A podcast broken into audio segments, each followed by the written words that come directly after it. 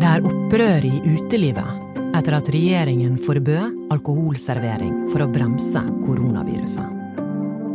Men kan man egentlig stoppe smitte med å forby restauranter å servere vin til maten?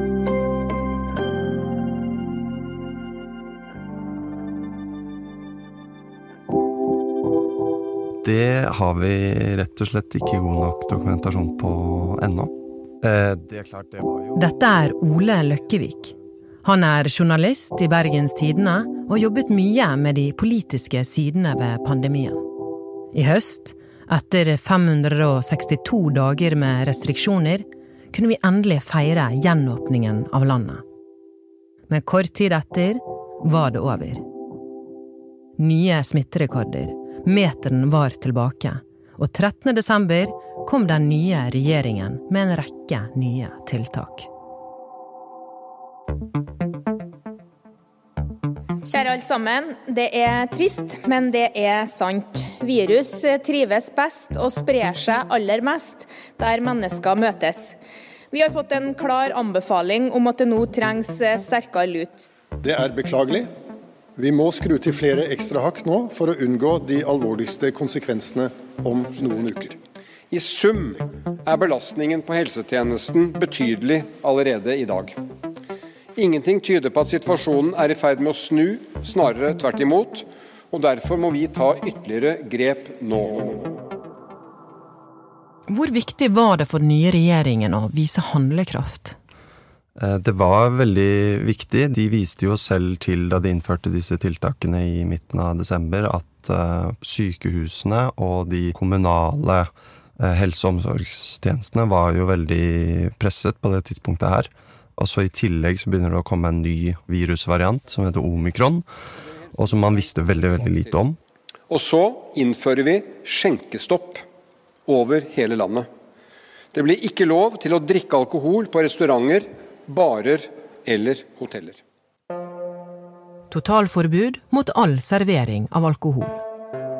For restauranter og utesteder var det et hardt slag i ansiktet etter to veldig tøffe år. Det var jo det, det verst tenkelige tidspunktet dette kunne skje på. Pandemien har vart i snart to år, og den har rammet serveringsbransjen ekstremt hardt. Så nærmer vi oss siste innspurt av julebordsesongen. Du er allerede i millioner i gjeld. Av det vi har hørt i dagene etterpå da, så rant det bare inn med avbestillinger til eh, restaurantene, og barene så seg bare nødt til å stenge. Siden de nye restriksjonene kom, har fire utesteder i Bergen gått konkurs. Og den siste tiden har bransjen samlet underskrifter for å protestere mot regjeringens politikk. Grunnen til at de har begynt denne underskriftskampanjen, er fordi at de mener det ikke er god nok dokumentasjon på effekten av skjenkestopp, og at regjeringen og helsemyndighetene baserer den effekten på antagelser og ikke på forskning. Interesseorganisasjonen for små og mellomstore bedrifter står i spissen for protesten. De har også varslet et mulig massesøksmål mot regjeringen. VG har undersøkt skjenkereglene i Europa og funnet ut at Norge er det eneste landet som har forbudt alkoholservering for å stoppe smittespredningen. Men Ole, hva svarer myndighetene når du har spurt om begrunnelse for dette? Det FHI sier når vi snakker med dem om skjenkestopp, er at de innførte det hovedsakelig pga. omikron-varianten, altså den nye virusvarianten som begynte å spre seg mye i Norge slutten av november og, og, i starten av desember. De fryktet for at den skulle føre til veldig mye smitte, og at det skulle bli mye alvorlig sykdom og veldig mange innleggelser som følge av den smittespredningen.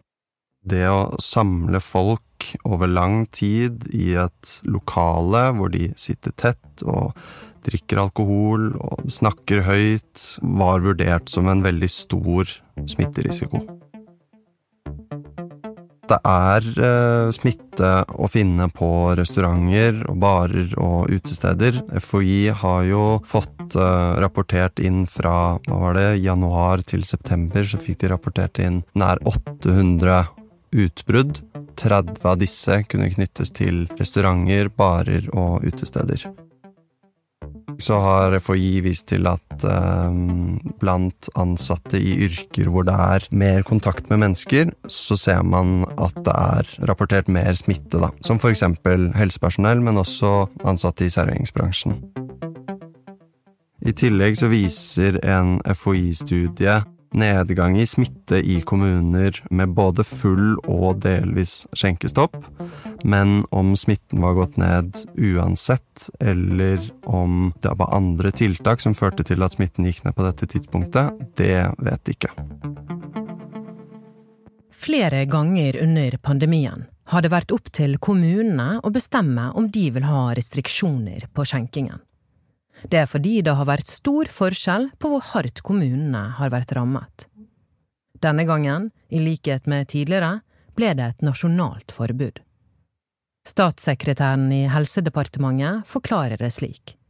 Vi mener det er nødvendig fordi folk passer mindre på seg selv og andre jo mer alkohol de drikker. Det høres jo fornuftig ut, så hva er problemet egentlig? Kort oppsummert så kan vi peke på tre ting. For det første så skiller ikke eh, regjeringen mellom restauranter og barer. Altså de blir vurdert under ett. Det å drikke et glass vin til maten og det å sitte tett på en bar med høy musikk klokka tre på natta, det blir vurdert som en like stor smitterisiko, da. For det andre så er det ikke god nok dokumentasjon på effekten av skjenkestopp. Man vet f.eks. ikke om full skjenkestopp har en bedre effekt på å begrense smitten enn en delvis skjenkestopp, som vil si å f.eks. ikke servere alkohol etter klokken ti. Og for det tredje, om det i det hele tatt er lov å innføre et så inngripende tiltak når det nettopp er så mangelfull dokumentasjon. Smittevernloven sier jo helt enkelt at uh, tiltakene vi innfører, de skal ikke gå lenger enn nødvendig, og jo hardere tiltak rammer, jo bedre skal det være begrunnet. Tilbake til hjemlige utfordringer, da. Eh, du påstår i går, på Helgemorgen i NRK at skjenkestoppen har vært medvirkende til at smittetallene har vært håndterbare. Vet du det? Altså Det er en helhet der, det er en pakke med tiltak. Eh, og Det å løfte ut ett tiltak og si så mye bidro det, bidro det til. Men denne skjenkestoppen har vært med på å begrense nærkontakter mellom folk. Eh, det har vi ganske godt, god grunn til eh, å, å slå fast. Men, Men, du bare antar at det har vært med på å få ned Ja, altså har ikke, vi har ikke forskning på det. Og det er et av de temaene vi nå tar tak i for å få bedre kunnskap om hvordan hvert enkelt tiltak virker. Og så er det helheten av tiltak, tiltakene som har betydning. Forskningsdirektør Atle Frettheim i FHI har tidligere sagt til BT at de antar at det blir mindre kontakt mellom folk når de ikke får servert alkohol. Men dette er de ikke sikre på. Det kan jo være at folk i stedet stuer seg sammen på private fester i små leiligheter, og at det kan være en større risiko. Ingen vet. Forskningsdirektøren får nemlig ikke forske noe særlig. Problemet er at i Norge i dag så er det sånn at hvis du skal forske på tiltak, så må alle som er involverte i det tiltaket, gi samtykke. Så hvis vi skal forske på skjenkestopp, så må vi ha et samtykke fra alle involverte i den kommunen man f.eks. innfører det, da. Det er ikke så lett. Forskningsdirektøren kaller det pinlig og syns det er ille at de ikke får gjort jobben sin. Konsekvensen er at vi etter to år med pandemi vet lite om hvilke tiltak som virker. Tiltakene skal vare fram til fredag 14. januar. Blir det fredagspils? Ja, Det får vi se på. Både bransjen og flere politiske partier har jo nå bedt regjeringen om å revurdere og i det minste avslutte denne skjenkestoppen når den tid kommer. Men til syvende og sist så er det regjeringen som må ta en beslutning på det her.